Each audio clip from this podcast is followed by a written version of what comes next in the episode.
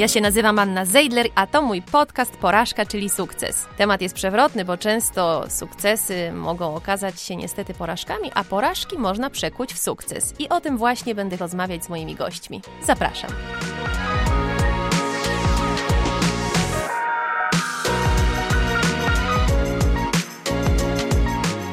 Moim pierwszym gościem, a właściwie gościnią jest Magdalena Lamparska, aktorka, która niewątpliwie jest kobietą sukcesu, ale mam wrażenie, że wszystko, co osiągnęła, nie jest y, dziełem przypadku, ale konsekwentną realizacją przemyślanego planu. Czy tak właśnie jest, Madziu? Bardzo się cieszę, że mogę tutaj, Aniu, razem z Tobą być. Absolutnie tak.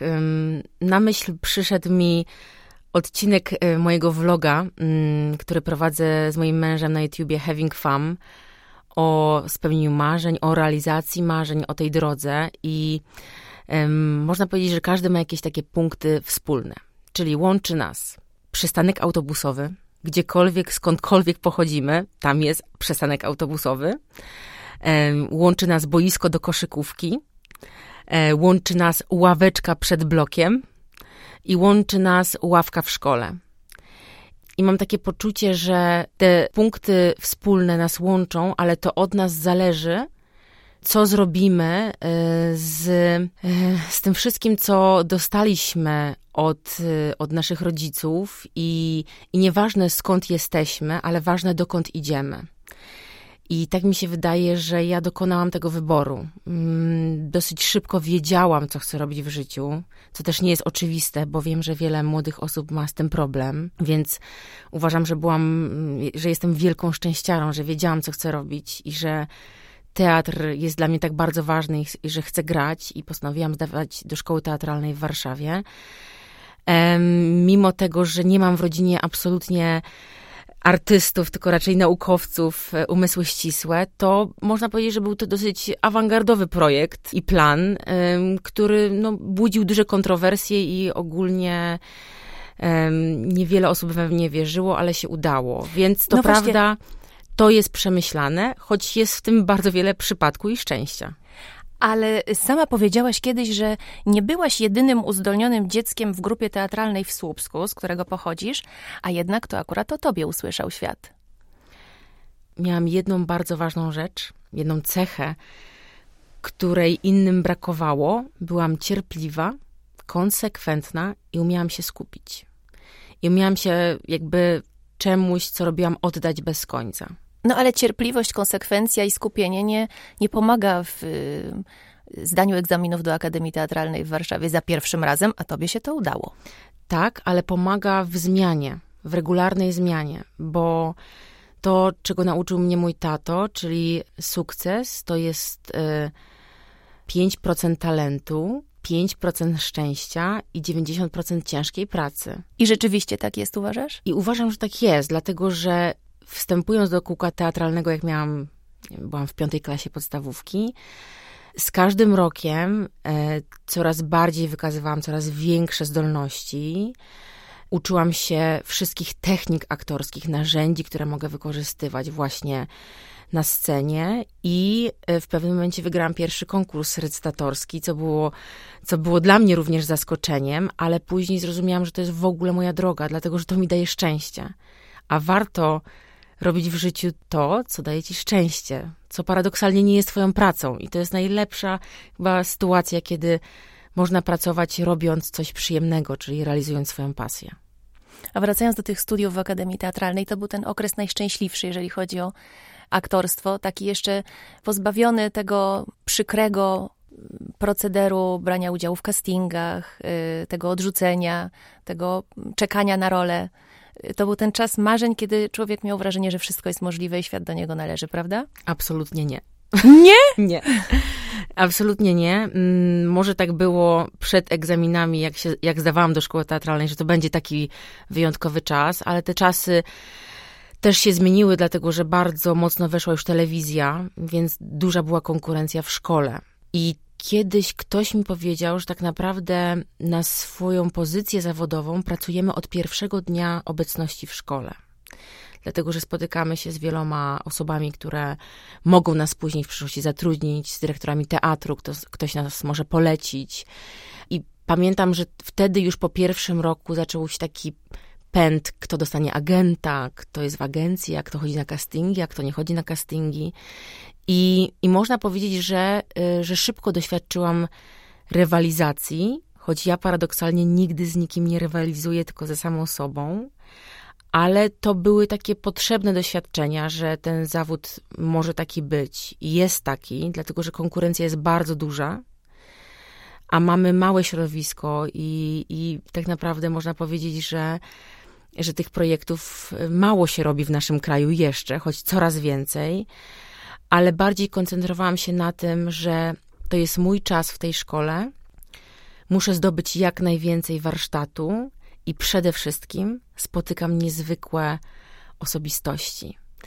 I jestem niezwykle szczęśliwa za to, że dostałam się do tej szkoły, dlatego że obcowanie z takimi nazwiskami jak pani profesor Kucówna, pani profesor Budzisz-Krzyżanowska, jak y, y, pani profesor Janda, jak y, Zbigniew Zamachowski, jak mm, profesor Englert, jak Agnieszka Glińska. To wszystko to były takie spotkania, które mnie zbudowały. I ja może na początku w ogóle mojego zawodu nie wiedziałam, po co to mi jest. Ale teraz, z perspektywy 13 lat pracy, już wiem, po co. Że było to potrzebne? Tak. Bo widzisz, dzisiaj y, bardzo dużo y, ludzi w tym zawodzie gra, nie mając ukończonej szkoły teatralnej. Reżyserzy nawet y, robią głośne filmy, nie mając wykształcenia ku temu, więc nadal uważasz, że jednak ta szkoła teatralna była ci potrzebna i jest czymś, co daje ci siłę w tym zawodzie? Uważam, że absolutnie tak, dlatego że po pierwsze, aktorstwo to jest szkoła zawodowa. My musimy się przygotować do naszego zawodu żeby mieć narzędzia pracy scenicznej, bo akurat mówię tutaj o teatrze, dlatego że musimy odpowiednio wyszkolić głos.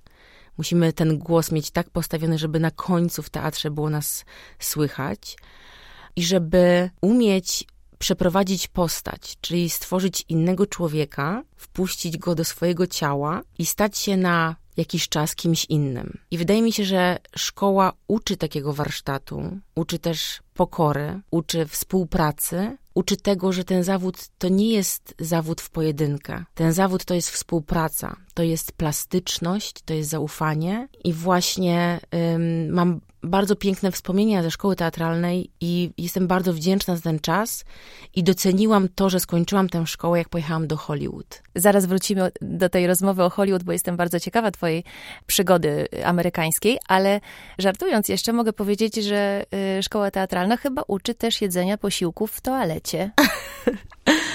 tak, y, chyba ci mówiłam o tej anegdocie, dlatego że oczywiście czas y, studiowania jest, y, no można powiedzieć, bardzo dużym wyzwaniem finansowym. Oczywiście każdy miał mało pieniędzy, więc w bufecie można było zakupić bułki, które były posmarowane margaryną. Plasterek był szynki, z pewnością najtańszej i bardzo cienko pokrojony ogórek kiszony. Więc, żeby najeść się i zjeść tę bułkę samemu i uniknąć syndromu daj, daj, daj, daj, daj, daj, daj, daj gryza, trzeba było schować się w toalecie. I to był naj, najbezpieczniejszy sposób, że jednak ta bułka będzie zjedzona, a często to po prostu był jeden posiłek, który jadłam w ciągu dnia. Ta jedna bułka. To zabawna historia. Nie wiem jak z apetytem na bułki, ale apetyt na życie i na karierę na pewno w tobie pozostał. Wróćmy teraz do y, tego, co powiedziałaś o Hollywood. Jesteś jedną z niewielu aktorek w Polsce, którym udało się zagrać w Hollywood z hollywoodzkimi aktorami. Ale też ty jesteś taką osobą, która bardzo wierzy y, w siebie i ma odwagę marzyć tak bez granic. Więc powiem ci, że oglądałam sceny z życia małżeńskiego, zakochałam się w Jessice Chastain, y, a ty miałaś okazję z nią grać. Powiedz, y, jakie to było doświadczenie? Tak, to prawda, spotkałam się z Jessica Chastain na planie filmu Azyl w reżyserii Niki Caro. Mm, paradoksalnie jest to nasza polska historia, bo jest to historia Antoniny i Jana Żabińskich, którzy w czasie wojny ukrywali Żydów w warszawskim zoo. Byłam jedyną Polką, która dołączyła do obsady, więc to było bardzo no, duże wyróżnienie. Takie spotkania zawsze y, pokazują mi jedno, że nieważne skąd jesteś, że my w, jako artyści posługujemy się jednym językiem, e, właśnie tym wszystkim, co jest pomiędzy, czyli emocjami, które prowokujemy u innych, e, u widzów, którzy oglądają film. I e, Stworzyliśmy tam bardzo międzynarodową obsadę, bo jeszcze oczywiście był Daniel Brul, Efra Dor, moja serdeczna przyjaciółka, z którą się przyjaźnię do tej pory. I właśnie wygrana w ogóle w tym castingu, można powiedzieć, że była największym zaskoczeniem, ale ja mam jedną taką cechę swoją, że ja nie myślę w ogóle o sukcesie, tylko ja myślę o tym, żeby zrobić jutro coś, żeby być mojego marzenia bliżej, żeby po prostu być lepszą wersją siebie, żeby spróbować. Ale być lepszą wersją siebie to jest właśnie sukces. Absolutnie tak, ale czasami nam się wydaje, że e, myślimy sobie o jakimś naszym osiągnięciu i to nas przeraża, i to nas przytłacza, że jest to niemożliwe, żeby to się udało. Z punktu rozumu tak ma być, bo rozum ma nas bronić przed ewentualną porażką. Ale jeżeli spróbujemy oszukać trochę naszą głowę i skupić się na jednym małym kroku dzisiaj, który realnie może nas przybliżyć do tej góry, to po roku takich małych kroków okazuje się, że my jesteśmy na tym szczycie. Więc ja tę zasadę małych kroków zaczęłam stosować od liceum. Co dzisiaj jest dla ciebie tym szczytem? Dzisiaj moim szczytem e, na pewno jest praca za granicą. Bardzo chciałabym pracować w Stanach Zjednoczonych. Czyli marzenie o Hollywood jest wciąż żywe.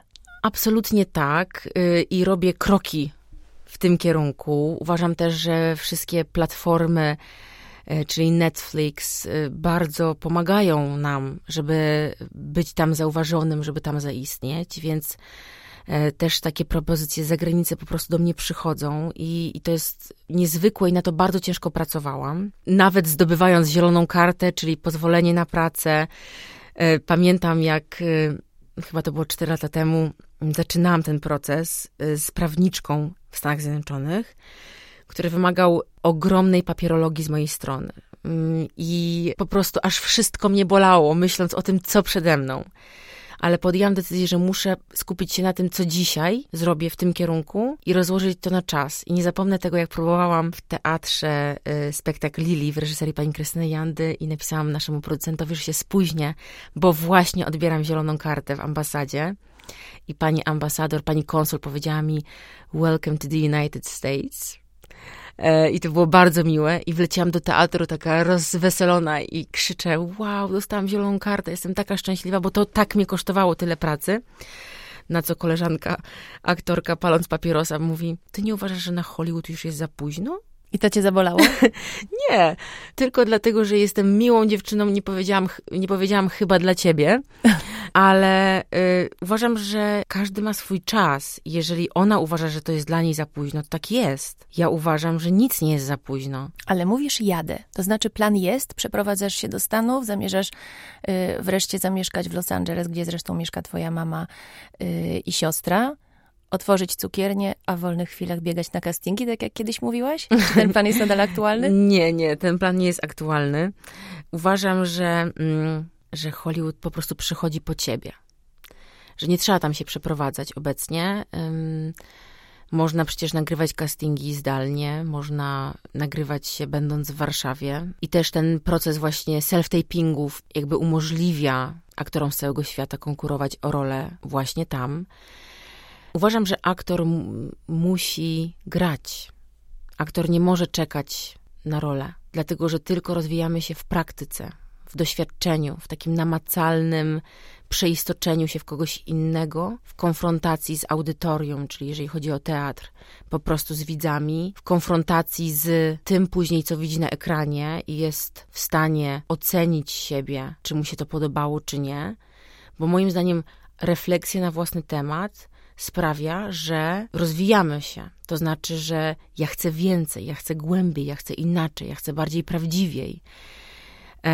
Bo jeżeli pojawi się takie uczucie, a już jestem świetna, to moim zdaniem to dla artysty może być zgubne. No właśnie, wielu artystów ma tendencję do spoczywania na laurach, a y, ty niejednokrotnie mówiłaś, że musisz wciąż pracować nad tym, kim jesteś.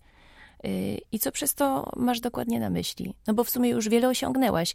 Y, zagrałaś w wielu filmach, masz męża, masz dziecko, jesteś spełnioną kobietą. a cały czas mówisz, że musisz pracować nad tym, kim jesteś. To nad czym pracujesz? Pracuję na pewno nad, y, nad sobą jako osobą, jak każdy, tak mi się przynajmniej wydaje. Odpowiadam na zmieniający się świat. Wydaje mi się, że też wiek sprawia, że po prostu do innych rzeczy inaczej podchodzimy. I w ogóle życie jest jakąś drogą i cały czas się uczymy. Jakie cechy próbujesz w sobie albo wypracować, albo zmienić? Do czego dążysz? Mogę powiedzieć na przykładach. Obecnie bardzo pracuję nad większą asertywnością, nad tym, żeby podejmować decyzje bardzo w zgodzie ze swoją intuicją, bo mam takie poczucie, że intuicja jest bardzo dobrym drogowskazem dla kobiety, ale też nie tylko. Jeżeli chodzi o tę asertywność, to ja mam wrażenie, że ty zawsze byłaś asertywna. Jak cię prosiłam o przepis na sernik, to powiedziałaś, że prędzej, odda, prędzej oddasz minerkę niż ten przepis. Chociaż akurat tu nie miałaś racji, bo ja jestem bezpieczną osobą do przechowywania przepisu. Nie piekę i nie zrobiłabym z tego użytku. Raczej bym mogła zgubić ten przepis. Ale byłaś asertywna. To, to prawda, akurat jeżeli chodzi o to, to tak, absolutnie, bo mam plany, jeżeli chodzi o moje cukiernictwo w przyszłości. Może napiszę film o tym, a potem wydam książkę, kto wie. E, ale to się, wiesz, to się wszystko tak każdemu wydaje, nie? Że czasami mamy takie coś, że patrzymy na jakąś osobę, na kobietę i myślimy sobie, ale ona jest wspaniała. Ona to na pewno ma z górki. Ona to w ogóle jest pasmo sukcesów, chwila nieuwagi i znowu sukces. A nie wiemy, co tam się dzieje wewnątrz. To co tam się dzieje wewnątrz? I wiesz, powiedz. i to też jest takie... Um, takie szklane y, okno telewizora, że my nie jesteśmy wyciętymi ludźmi z papieru. My jesteśmy ludźmi, którzy przeżywają niepowodzenia, przejmujemy się, że jakaś rola komuś bardziej przypadnie do gustu, a inni to krytykują. E, I uważam, że oczywiście z biegiem lat coraz bardziej zyskujesz tę skórę słonia e, i wrażliwość motyla, która jest potrzebna w tym zawodzie, ale to bycie osobą publiczną nie jest bez konsekwencji. I na przykład dopiero widzę to, e, kiedy mam rodzinę, mam taką namiastkę totalnie czegoś, co jest fundamentem mnie, ale tego też, co jest normalne, takie po prostu ludzkie i, i dopiero widzę to z perspektywy mojego męża, który jest w tym świecie y, przeze mnie. I czasami mówi mi, że kompletnie nie wiedział, że tak to wygląda, że nie wiedział, że tak wygląda przygotowanie do roli, że potem nie wiedział, że tak wygląda wyjście z roli, jakie emocje są w domu i jak mnie to kosztuje. A jesteś nieznośna, jak wychodzisz z roli? nie, mój mąż akurat ma bardzo duże poczucie humoru na mój temat i mówi, nie będę z tobą rozmawiał, bo rozmawiam z Olgą. Albo nie będę z tobą rozmawiał, bo rozmawiam z Kaśką. Oj, znowu przyprowadziłaś tę cholerę do domu. Więc jest bardzo tego świadomy, ale to też jest bardzo fajne, bo ja wtedy mam takie, o, okej, okay, to jest jej cecha. Okej, okay, to ja już wiem, dobra. I wtedy, jak już wracam na ziemię, ląduję, no to na pewno mój syn przyspiesza ten proces. Ale bardzo zawsze mi zależy, żeby opowiadać też o tym, że, że ten zawód to nie są tylko czerwone dywany i okładki gazet. Że ten zawód to jest y, bardzo, bardzo y, fantastyczna przygoda, ale też y, ciężka praca. To trzeba kochać. To jest naprawdę styl życia i takie totalne oddanie. Mówiłaś dużo o tym, że ten zawód niesie ze sobą dużo frajdy, dużo przyjemności, czerwone dywany, premiery, yy, miłość widzów, ale też krytykę. I jak ty tę krytykę znosisz? Na początku nie było mi łatwo, dlatego że do każdej roli podchodziłam z ogromnym, otwartym sercem i nie, nie wiedziałam, dlaczego tak się wydarza ale potem przestałam skupiać się na tym, tylko sama zaczęłam sobie robić sprawozdanie z mojej pracy, taką rzeczową ocenę tego, co zobaczyłam na ekranie. I mimo tego, że nie lubię siebie oglądać, to myślałam właśnie w tym kontekście tego, że taką lekcję trzeba odrobić, żeby coś zmienić że musisz być świadoma tego, co chcesz zmienić, żeby po prostu to zrobić. I tak się też u mnie zaczęło, że zaczęłam jeździć właśnie do Stanów Zjednoczonych na warsztaty i wydaje mi się, że głównym, y, główną rzeczą, którą ja się tam nauczyłam, to było to, że taka jaka jestem, jestem jedyna w swoim rodzaju i nie ma takiej osoby. I każdy taki jest. A to jest główne y, narzędzie w zawodzie aktorskim. Ty. No tak, ale mnie chodzi o taką krytykę, że zagrałaś w filmie, wydaje ci się, że zagrałaś świetnie, Pięć osób mówi, że byłaś rewelacyjna, a dziesięć, że beznadziejna. Jak ty to znosisz? Jak, y, jak sobie z tą krytyką radzisz? To tak.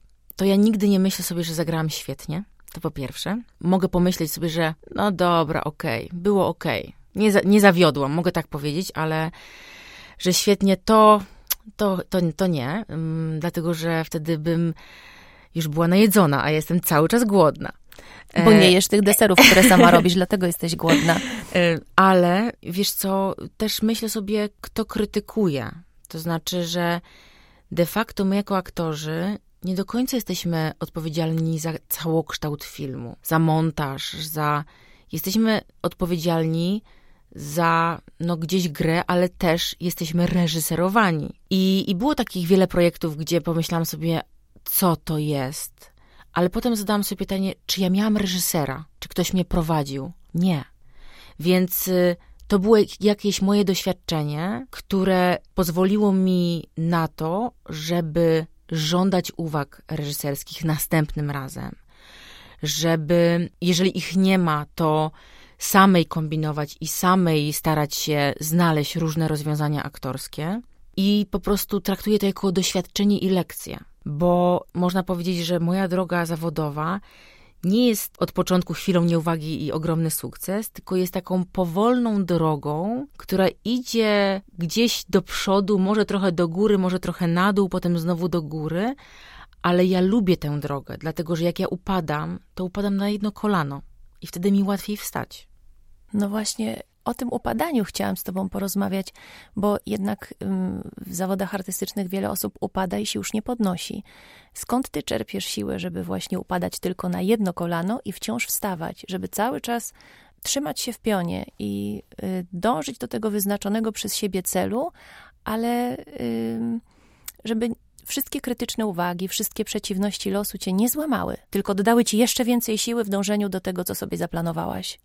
Moja serdeczna agentka Iwona Ziółkowska-Okapiec powiedziała kiedyś taką bardzo ważną rzecz, której kompletnie nie zrozumiałam. Że jak jest sukces, to trzeba się tak troszeczkę cieszyć, a jak jest porażka, to tak trzeba troszeczkę się smucić. Bo życie jest ważniejsze od filmu. I dla mnie to było mm, kompletnie dziwne, że nie wiem, jak jest jakiś film, sukces, premiera, to ja nie mogę tak się bardzo cieszyć. Ale teraz myślę sobie o tym, że zawsze, jak mam jakiekolwiek wątpliwości, czy powinnam dalej być w zawodzie aktora, czy powinnam być aktorką, a takie wątpliwości miewałam i to bardzo często na początku mojej drogi zawodowej, teraz już nie. To los pokazywał mi tak piękne doświadczenia, y, że widziałam, że to aktorstwo jest bardzo potrzebne i wiadomo, że ten zawód jest zawodem wyrażeniowym. I niektórzy będą mnie lubili, a niektórzy nie. I to po prostu trzeba zaakceptować, bo odrzucenie jest pierwszym składnikiem w tym zawodzie. No Dlatego, no właśnie. jeżeli tego nie zaakceptujemy, to po prostu nie możemy tego zawodu uprawiać, bo to nas wykończy. Ale czy tego y, stykania się ciągle z odrzuceniem można się nauczyć? Każde pójście na casting y, i przegranie tego castingu jest pewnym rodzajem odrzucenia, które każdy aktor z pewnością przeżywa. Ja, jak ty sobie z tym radzisz? Absolutnie tego się da nauczyć. Po pierwsze, trzeba sobie uświadomić, że reżyser obsady, reżyser, producent nie odrzuca ciebie jako osoby. Nie mówi, że ty jesteś złą osobą, tylko po prostu ktoś inny bardziej pasuje do tej postaci. To nie jest konkurs talentów i po prostu nie mamy na to wpływu, czy wygramy tę rolę, czy nie. Jedyne, na co mamy wpływ, to to, czy się dobrze przygotujemy do tej roli. Ja to tłumaczenie absolutnie rozumiem z punktu widzenia rozumu, ale yy, w grę wchodzą emocje. Mówią ci, dziękujemy pani Magdo, wybraliśmy kogoś innego. Wracasz do domu i co? Mówisz, nie szkodzi, czy jednak ale wchodzisz do wanny i płaczesz? Oczywiście. Ile czasu zajmuje ci dojście do siebie? Jeżeli na jakimś projekcie mi bardzo zależy, to zdarzało się tak, że byłam 10 razy na castingu z różnymi partnerami. No i producentka obiecała mi tę rolę i tak naprawdę ta rola była dla mnie, więc no okej, okay, ale nikt się nie odzywa i się nie odzywa i się nie odzywa. Więc dzwonię do producentki, nie odbiera. Dzwonię do reżysera, który wiem, że będzie to reżyserował i ja mówię, słuchaj, powiedz mi, czy tak, czy nie. No właśnie, wiesz co, Magda, no nie. I co wtedy? No i wtedy... Płyną łzy? Zrobiło mi się strasznie przykro.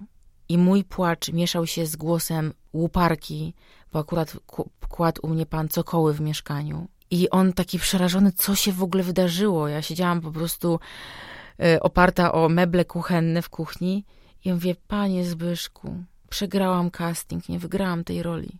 On kompletnie nie wiedział, o czym ja mówię. On w ogóle nie wiedział, dlaczego ja tak płaczę. Usiadł i y, wyciągnął czekoladę i zaczął ze mną rozmawiać. To było tak niezwykle urocze, y, jakby taka różnica naszych perspektyw zupełnie, że no właśnie, no tak jest. Czasami się nie wygrywa, czasami się przegrywa. Ale tydzień później dostałam telefon i zagrałam w filmie ze Stevenem Baldwinem. I gdybym zagrała w tamtym projekcie, to bym nie zrobiła No Panic with a Hint of Hysteria. I to mi pokazało jedną rzecz, że te role, które mam zagrać, je zagram. A w tych chwilach, kiedy mówią ci nie, wracasz do domu i te łzy się leją i nie ma akurat pana Zbyszka, bo cokoły już w domu są położone, to kto jest tą osobą, do której dzwonisz i płaczesz w tę słuchawkę?